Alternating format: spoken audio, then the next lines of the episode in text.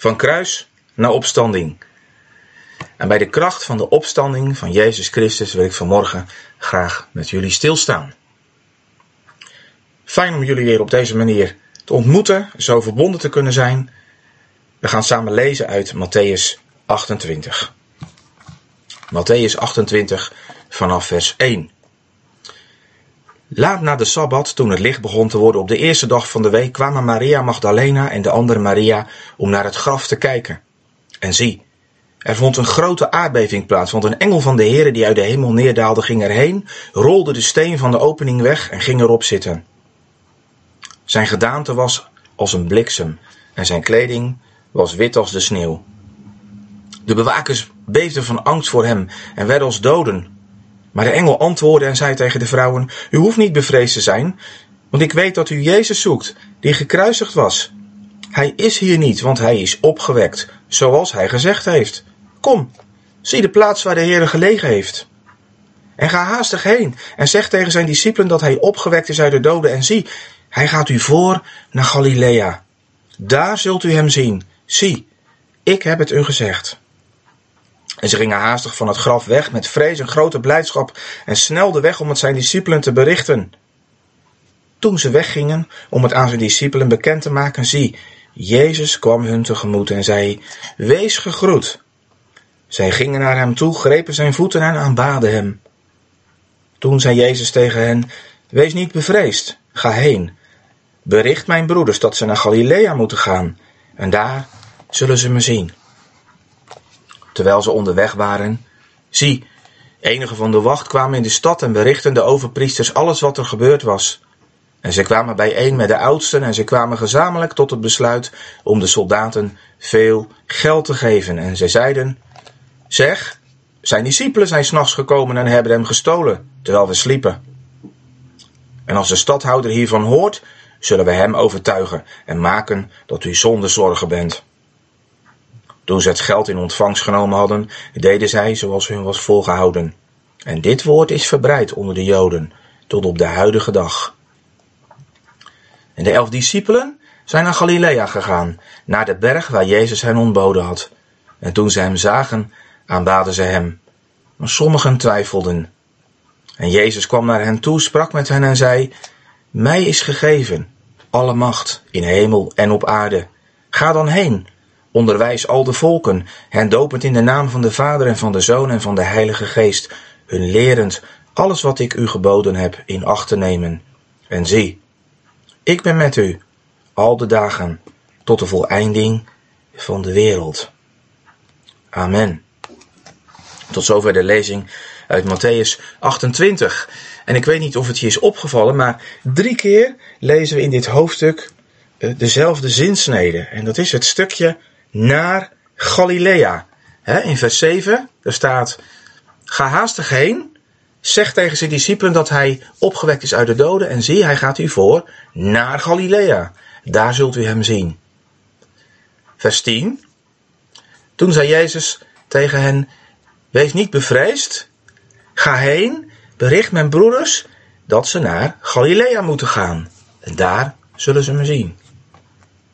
En in vers 16, de elf discipelen zijn naar Galilea gegaan, naar de berg waar Jezus hen ontboden had.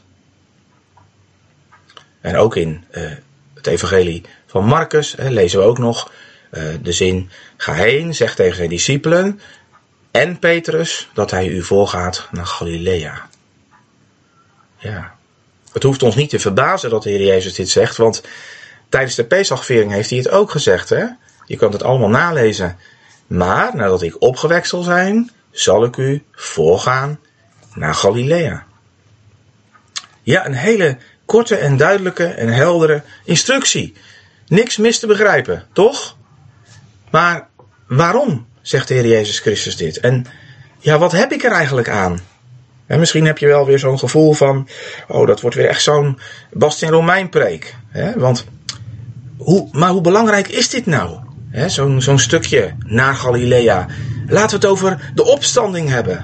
Laten we het over de kracht van de opstanding hebben. En over wat we daaraan hebben. Nu, op dit moment, in de situatie waarin we ons bevinden. In deze tijd ook, waarin we ons bevinden. Nou, dat komt goed. Dat komt goed. Als je thuis bent in de evangeliën, dan weet je dat het helemaal in de lijn van de verwachting lag dat de Heer Jezus zijn discipelen wil ontmoeten in Galilea. Want daar was Jezus het grootste deel van zijn leven en ook van zijn openbare bediening geweest. Je zou kunnen zeggen, naar Galilea gaan was voor de Heer Jezus als thuiskomen. En ik ga gewoon een aantal feiten noemen, maar die kun je allemaal heel makkelijk vinden als je uh, met een Bijbelconcordantie zoekt op het woord Galilea.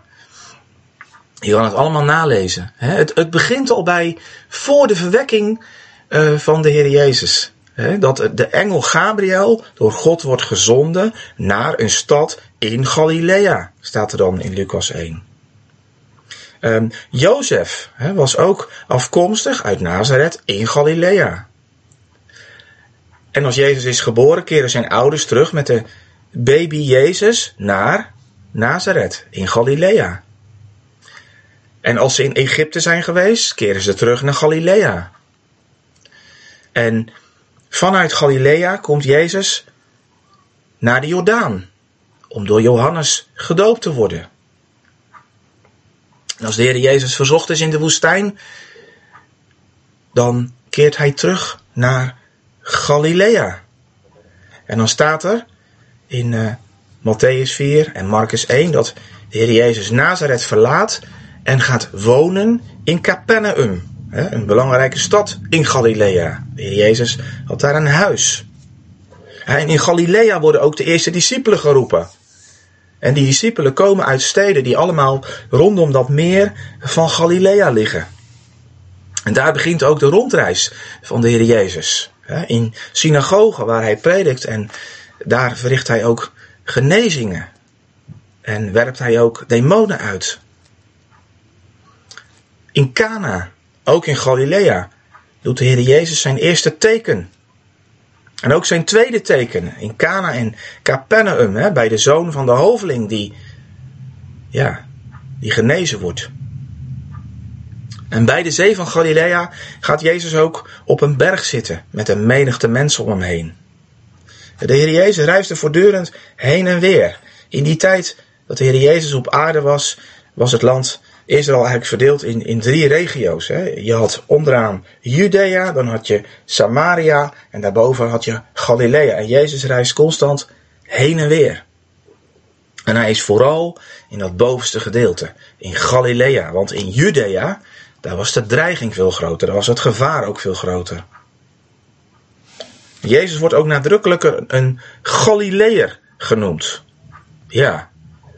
En, en voor heel veel mensen was dat ook heel bepalend dat hij daar vandaan kwam, want dat paste niet in hun patroon. dat de Messias zou kunnen komen uit Galilea. En zelfs Pilatus, die uiteindelijk moet beslissen over ja, de veroordeling van Jezus. Als hij hoort dat Jezus uit Galilea komt, dan stuurt hij hem maar al te graag naar Herodes.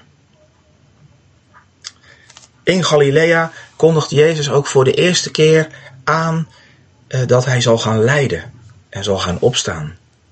Ja. En bij de kruisiging en bij het graf en ook op de morgen dat Jezus opstaat uit de dood, hè, dan zijn er vrouwen aanwezig die afkomstig zijn uit Galilea. Ja, ik heb het woord al heel vaak genoemd. Maar het geeft maar aan hoe, hoe belangrijk dit is. Het begon in Galilea. En dat kunnen wij niet alleen concluderen door gewoon de Bijbel te lezen en na te denken, maar dat zegt ook de schrift letterlijk. In Lucas 23, vers 5 lezen we dat er wordt gezegd over Jezus, hij hitst het volk op door in heel Judea onderwijs te geven. Van toen hij begon in Galilea tot hiertoe. Ja, en in Handelingen 10, daar staat, u weet wat er gebeurd is in heel Judea wat begon in Galilea na de doop die Johannes gepredikt heeft. Het begon in Galilea. En nou is de volgende vraag: waarom daar? Waarom Galilea? Waarom zo'n groot accent? Nou, ik heb daar ooit een artikel over geschreven en ik zal zorgen dat die aantekeningen ook um, beschikbaar zijn voor jullie. Ik wil een aantal hoofdpunten noemen, want er is zoveel over te zeggen, maar een aantal hoofdpunten. En ik zou willen beginnen met de samenvatting. Jezus groeide op en hij wandelde rond in het hol van de leeuw. In Galilea, je zou kunnen zeggen, in het hol van de leeuw.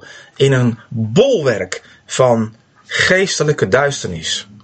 En als je terugleest in het Oude Testament, dan kom je er al heel snel achter dat um, juist in dat noorden van Israël, in het gebied wat later dus Galilea heette, dat daar uh, ontzettend veel uh, heidense invloeden bleven bestaan. En dat het ook heel lang nog onder invloed is geweest van heidense heersers. Het gebied van Naphtali en Zebulon hebben we het dan over. En Jezaja spreekt niet voor niets in Jezaja 8 ook over het Galilea van de heidenen. Galilea van de heidenvolken. Terwijl het toch bij het beloofde land hoorde. Nou, we hebben vast allemaal wel eens gehoord van Agap en Izebel. En zij gaven ook een enorme impuls, juist in dat Noordrijk, juist in Galilea. Een impuls aan de Baalsdienst waar het volk Israël in totale afgoderij Baal diende. En Galilea lag ook onderaan de voet van de berg Hermon. En als je dat nazoekt, er is heel veel over bekend, dan kom je tot de conclusie dat dat een gebied was met een enorme rijke traditie in afgoderij en occultisme. vooral bij de grot van Pan aan de, waar, onderaan de Hermon, waar de, ook uh, een van de bronnen is voor de Jordaan, daar barstte het van het occultisme. Vlak daarbij bouwde trouwens ook Jerobiam I, ook zijn, zijn heiligdom in Dan. Twee heiligdommen bouwde hij in Dan en in Bethel. En eentje ervan dus bij die pangrot onderaan de Hermon. En nog steeds is het een gebied met enorm veel duisternis. In Safat, dat ligt ook uh, noordelijk, noordwestelijk boven het meer van Galilea. Daar is de thuisbasis van het kabbalisme. Een occulte stroming. En rondom het meer van Galilea zijn nog steeds verschillende um, bedevaartsoorden voor overleden rabbijnen. dus dodenverering, occultisme. Ik wil met jullie een paar versen lezen uit Jezaja 8. Daar krijg je een, een, een indruk van de diepe geestelijke duisternis die er in dat gebied heerste. Jezaja 8 vanaf vers 21. En daar lezen we. Men zal er ter neergedrukt en hongerig rondtrekken. Wanneer het gebeurt dat men honger lijdt, zal men uitbarsten in woede. En zijn koning en zijn God vervloeken of men de blik, nu naar boven richt, of naar de aarde kijkt, zie, er zal benauwdheid en duisternis zijn, angst aanjagen de donkerheid, en men zal voortgedreven worden het donker in. Voorzeker, er zal geen donkerheid blijven voor het land waarin benauwdheid is, zoals hij in vroeger tijd minachting heeft gebracht over het land van Zebulon en over het land van Naphtali, zo zal hij in later tijd eer bewijzen aan de weg van de zee, de overkant van de Jordaan, het Galilea, waar de heidevolken wonen. Ja, wat een diepe geestelijke duisternis. Benoemt Jezaja hier, namens de Heere. En als we dan verder lezen in Jezaja 9, dan staat daar het volk dat in duisternis wandelt. Het gaat over hetzelfde volk. Dat zal een groot licht zien. Zij die wonen in het land van de schaduw van de dood. Over hen zal een licht schijnen. Ja, duisternis. De schaduw van de dood. reken maar dat dat daar voelbaar was. Niet voor niets lezen we in de tijd dat Jezus daar rondwandelt over zoveel uh, uitdrijvingen van demonen, juist in dat gebied. En ook is er een enorme sterke tegenkracht tegen de boodschap van Jezus, terwijl hij in de steden van Galilea juist het vaakst gepreekt heeft en ontzettend veel um, wonder heeft laten zien. Je zou zeggen, nou, dan zou de kans toch veel groter moeten zijn dat er veel meer mensen tot geloof gekomen zouden zijn. Ook dat is waar, maar er was ook een ontzettende tegenkracht. Ja, die tekst die ik net las uit Jesaja 9, vers, uh, vers 1. Dat is een tekst die wordt natuurlijk heel vaak bij kerst gelezen. Als we nadenken speciaal over de geboorte van de Heer Jezus. Het volk dat in duisternis wandelt zal een groot licht zien. Zij die wonen in het land van de schaduw van de dood. Over hen zal een licht schijnen. En dat gaat dan verder. En dan komen we natuurlijk bij die bekende teksten. Jezaja 9 vers 5. Want een kind is ons geboren. Een zoon is ons gegeven. Maar ik denk dat deze tekst, Jezaja 9 vers 1, ook heel belangrijk is als we nadenken over de bediening van de Heer Jezus. En ook als we nadenken over zijn opstanding, over Pasen. In Matthäus 4, vers 16, daar lezen we dat de Heer Jezus na zijn doop en uh, na zijn verzoeking ook uh, naar Galilea gaat. En dat daarmee ook vervuld wordt wat staat in Jesaja 9 vers 1. Het volk dat in duisternis wandelt zal een groot licht zien. De Heer Jezus betreedt daar, voor de zoveelste keer, het grondgebied van zijn tegenstander. Ja. En hij trekt vanaf dat moment met grote regelmaat rond in het hol van de leeuw, zou je kunnen zeggen. Het begon in Galilea, maar het ging ook verder in Galilea. Ook dus na de opstanding, want Jezus staat op in Jeruzalem. En aan wie vertoont hij zich als eerste? Dat zou je ook kunnen lezen in Johannes 20, hè? aan Maria Magdalena. Maria van Magdala, afkomstig uit Magdala, een dorpje rondom het meer van Galilea. Een vrouw met een bijzonder occult verleden. Zeven demonen hebben er in haar gewoond. En zij is daar destijds door bevrijd. Van bevrijd door Jezus.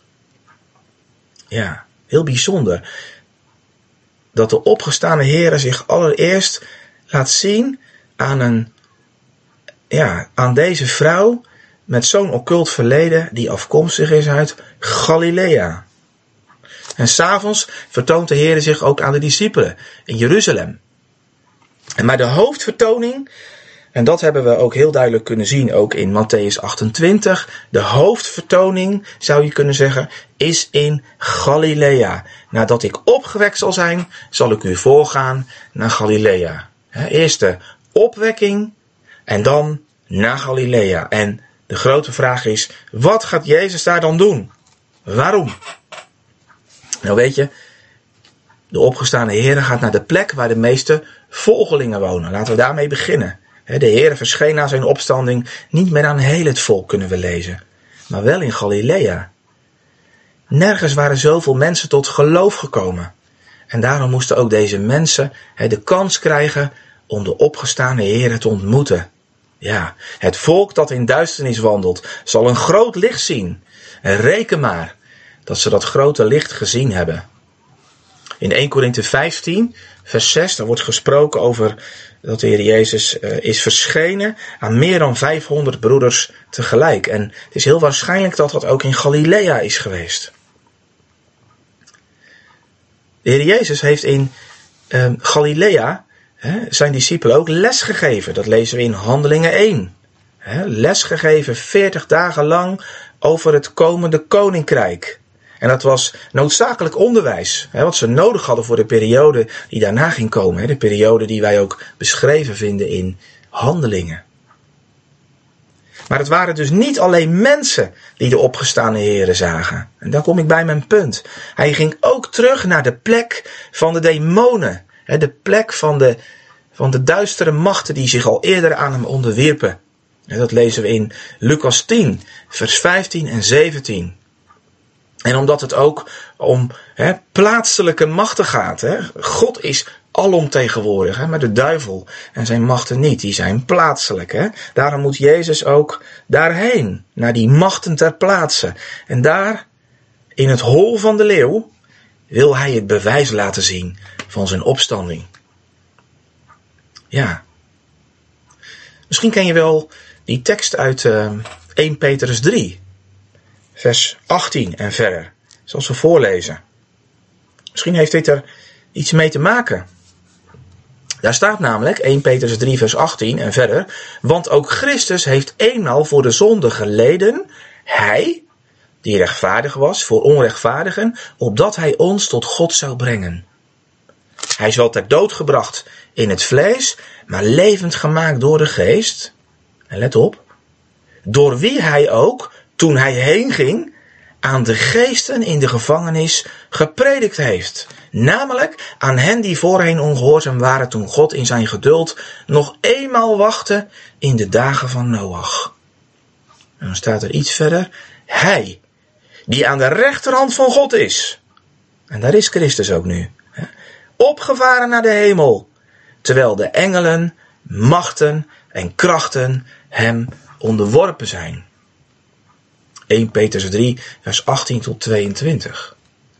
En als Petrus met deze versen doelt hè, op wat er staat in. Hij spreekt daar over het geduld van God in de dagen van Noach. Als hij hiermee doelt op wat er staat ook in de eerste versen van Genesis 6, dan heeft de opgestane Heere zijn overwinning laten zien aan gevallen engelen. Ja. Nou, dit is denk ik een uitstapje, een mooi uitstapje voor verdere studie. Als je hier meer over wilt weten. 1 Petrus 3, vers 18 tot 22. In combinatie met de eerste versen van Genesis 6. Ja. En dat de Heer Jezus Christus naar Galilea ging en daar aan mensen, maar ook aan machten, het bewijs wilde laten zien van zijn opstanding. Dat wilde hij doen dus in bijzijn van zijn discipelen, de toekomstige apostelen, de getuigen ook van zijn opstanding.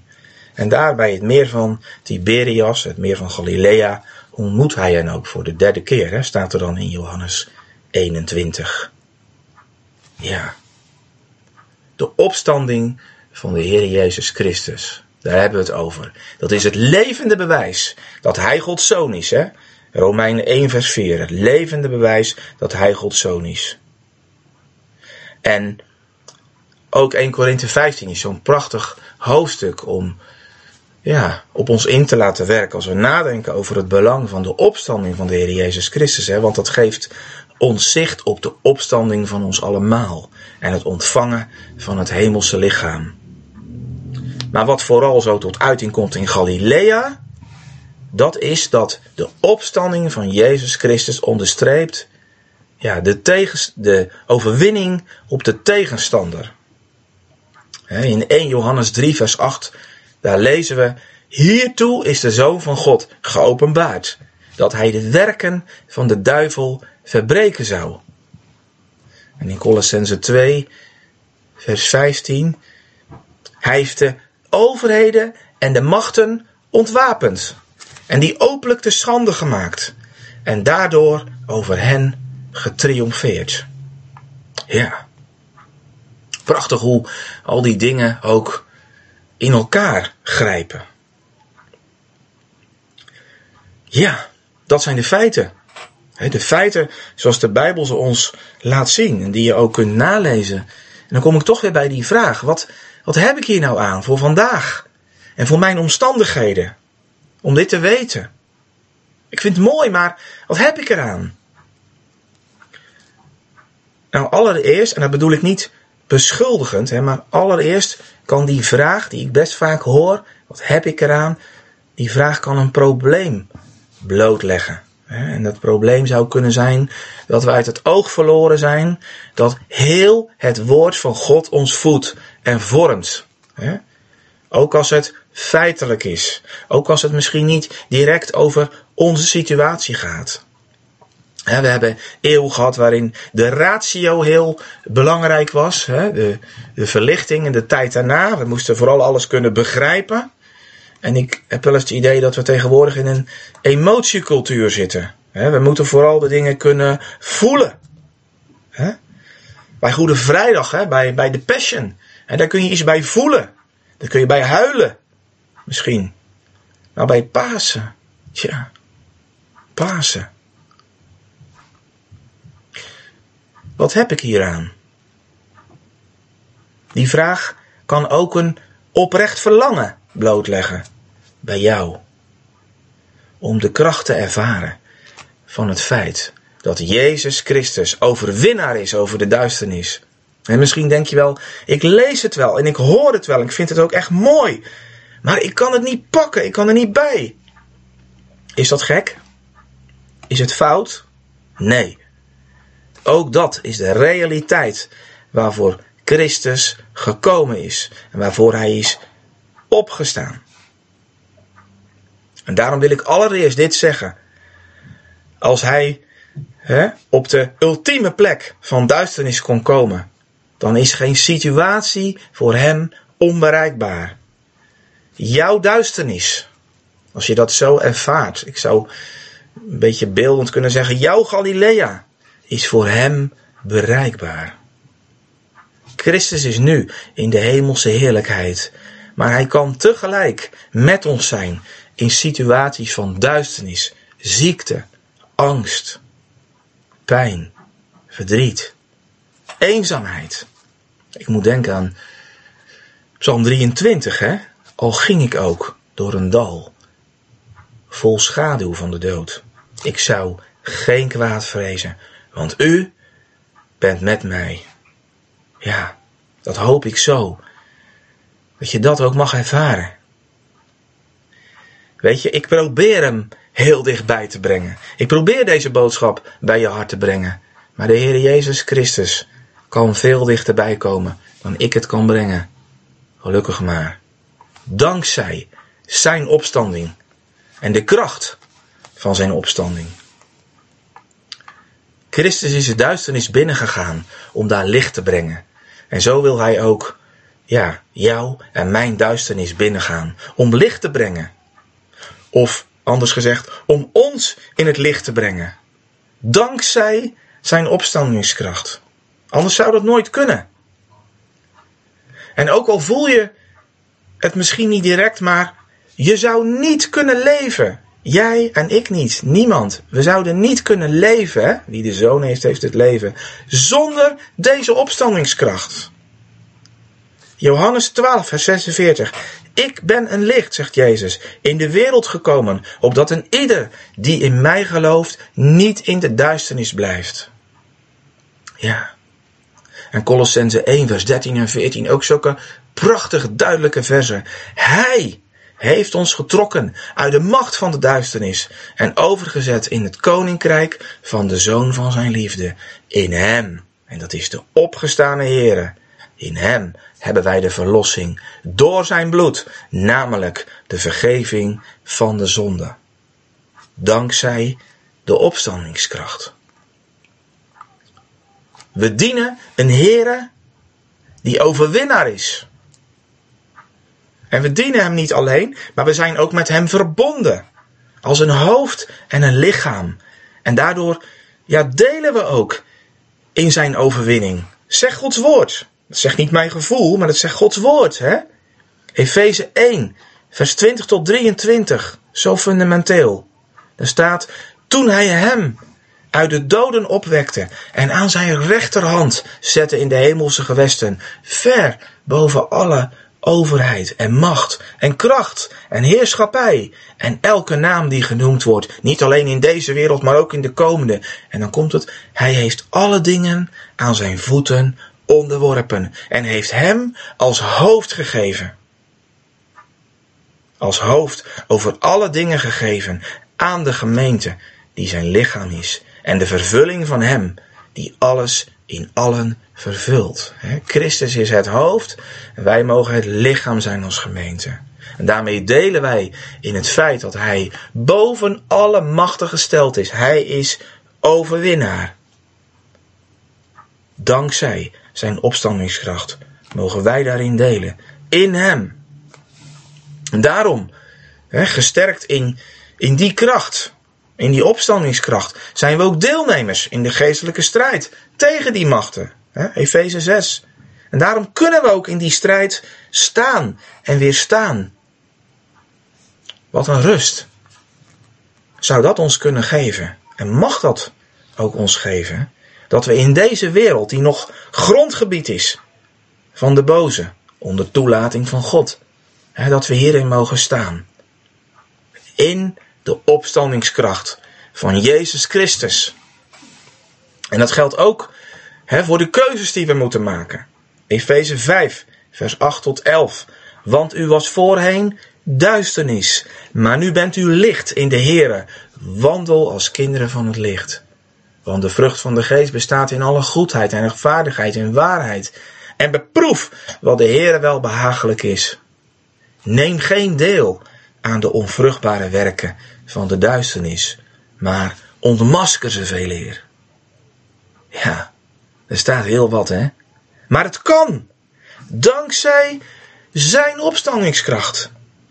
Het opstandingsleven, ook in ons, staat boven de machten, staat boven het oude leven. En dat is de hoop hè, voor heiliging, om het maar met dat woord te noemen. De hoop van de heiliging van ons leven. Het nieuwe staat boven het oude. En zo zouden we door kunnen gaan. Er zijn zoveel teksten die op hun plek vallen als we rekenen met de opstandingskracht van Jezus Christus. En die apostelen, die ons ook brief hebben nagelaten, wat waren ze daar diep van doordrongen? Van het belang van de opstanding van de Heer Jezus Christus. Ik lees nog een paar teksten, Romeinen 6, vers 4. Wij zijn dan met hem begraven door de doop in de dood opdat evenals Christus uit de dood is opgewekt door de heerlijkheid van de Vader, zo ook wij een nieuw leven, in een nieuw leven zouden wandelen. Hoor je het? De opwekking, de opstanding van Jezus Christus is de basis voor een nieuw leven, waarin we kunnen wandelen. Romeinen 8, vers 11. Als de geest van Hem, die Jezus uit de dood heeft opgewekt, in u woont, zal Hij, die Christus uit de doden heeft opgewekt, ook uw sterfelijke lichaam levend maken door zijn geest die in u woont. Ja. Filippenzen 3, vers 10. Daar is Paulus aan het woord. Ja. Over, ja, waar hij naar uitkijkt. Waar hij, ja, op gericht is. Opdat ik hem mag kennen en de kracht van zijn opstanding en de gemeenschap met zijn lijden, doordat ik aan zijn dood gelijkvormig word. Colossense 3 vers 1. Als u nu met Christus opgewekt bent. Zie je hoe fundamenteel dat is om dat te weten. Om daar ook eh, om ook niet te rusten voordat je dat weet. Als u met Christus opgewekt bent, zoek de dingen die boven zijn, waar Christus is, die aan de rechterhand van God zit. En tot slot ook Petrus, hè? 1 Petrus 1, vers 3. Geprezen zij de God en Vader van onze Heer Jezus Christus, die ons, overeenkomstig zijn grote barmhartigheid, opnieuw geboren deed worden tot een levende hoop door de opstanding van Jezus Christus uit de doden. Elke keer weer de opstanding van Jezus Christus uit de doden. De opgestane Heer ging met zijn discipelen naar Galilea. Hij ging hen voor. Hij nodigde hen uit. De opstandingskracht kwam en komt nog steeds in aanraking met de duisternis. En kan die krachtmeting met gemak aan. Dat klinkt heel gemakkelijk, maar we hebben het hier over de opstandingskracht van Christus. Die kan de krachtmeting met de duisternis met gemak aan. Hebben dat zelf kunnen vaststellen ook. Het is maar dat ze het weten, die machten. Jezus Christus is overwinnaar. En reken maar dat ze het weten. En dat ze er mee rekenen. En nou de vraag voor ons. Reken jij? Reken ik? Daarmee. Met de kracht van de opstanding van Jezus Christus in ons leven. En weet je, ik realiseer me dat dit ook kan uh, overkomen als een soort gewetensvraag. maar ik, ik wil je niet laten zitten na deze verkondiging met een schuldvraag. maar het is wel een belangrijke vraag. Rekenen wij met de kracht van de opstanding van Jezus Christus in ons leven? Weet je, dat mag een proces zijn. Dat was het ook voor de discipelen. Ja, omdat stapje voor stapje te gaan ontdekken dat hun Heere was opgestaan. Ja. En ook voor ons mag dat een proces zijn. Is het je verlangen om hieruit te leven, uit deze opstandingskracht? En om ook hierna te leven? Dan mag je ook verwachtend uitzien naar de kracht van zijn opstanding in jouw leven, in welke situatie je dan ook bevindt. Ons probleem, bij mij althans, hè, zit vaak in dat we het wel lezen, maar dat we het niet tot onszelf door laten dringen. Het staat er allemaal in het woord, maar laten we het ook tot onszelf doordringen. Hoeveel kans krijgt de Heer om zijn waarheid diep in ons te laten doordringen? Hij wil dat. Hij verlangt daarnaar. En ik wil afsluiten met wat Paulus daarover zegt. En eigenlijk laat zien dat hij daarvoor ook smeekte. Dat we dit gaan weten. Wat dan? Efeze 1, vers 19 en 20. Wat de alles overtreffende grootheid van zijn kracht is aan ons die geloven. Overeenkomstig de werking van de sterkte van zijn macht. Die hij gewerkt heeft in Christus. door hem op te wekken uit de doden. Laten we daar ook samen om bidden en voor danken. Vader, dank u wel dat we stil mogen en stil mochten staan bij het heerlijke feit van uw opstanding. Heer, wat is de schrift daar duidelijk over? De opstanding is fundamenteel voor ons leven. Zonder opstanding is er geen leven, is er geen verder. Zonder opstanding is er geen hoop voor de toekomst. Zonder opstanding is er geen kracht. En heren, u bent opgestaan. We mogen dat vieren. Heren, maar weten is niet voor ons mensen altijd voelen en ervaren. Dat realiseer ik me ook goed. Heer, u kent onze situatie. U weet hoe we dit alles ervaren. Hoe we daar ook mee kunnen worstelen. Dat we het wel lezen. Maar dat, we, dat het niet tot ons doordringt. Of dat we in omstandigheden kunnen zitten waar het zo duister lijkt te zijn dat, dat we verlangen en het uitschreeuwen. Heere, kom in die situatie en dat we dat niet kunnen waarnemen. Heere, geef dat het feit van uw opstandingskracht, Heere, ons ja, ook opnieuw, misschien voor het eerst, zo zal overweldigen. Heere, u leeft en u bent daar geweest waar de duisternis was. En u bent in de hemelse heerlijkheid, maar nog steeds is uw opstandingskracht werkzaam op de plek waar de duisternis heerst. Heer, en zo wilt u ook vandaag ons bemoedigen en ons het laten weten. Ik wil met mijn kracht in je werken. Heren, ik kan het niet dichterbij brengen dan ik het heb geprobeerd te doen. En ik moet het loslaten. En ik wil u vragen, Heer, wilt u het verder brengen in ons hart? Van al die broeders en zusters die dit horen en zien.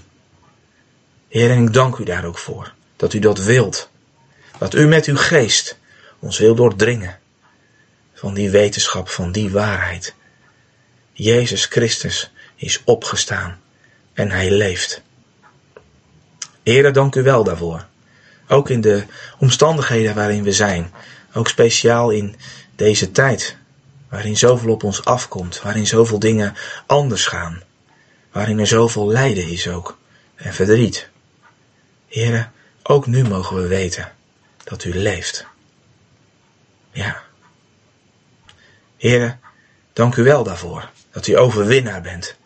Heren, en dat u die overwinning ook wil delen met ons, mensen. U weet wie we zijn. U weet wie we zijn. Maar u wilt het delen, uitdelen. Ja, dank u wel daarvoor. Geprezen zij uw naam. Amen. Ik wens u nog een fijne dag toe. Dag.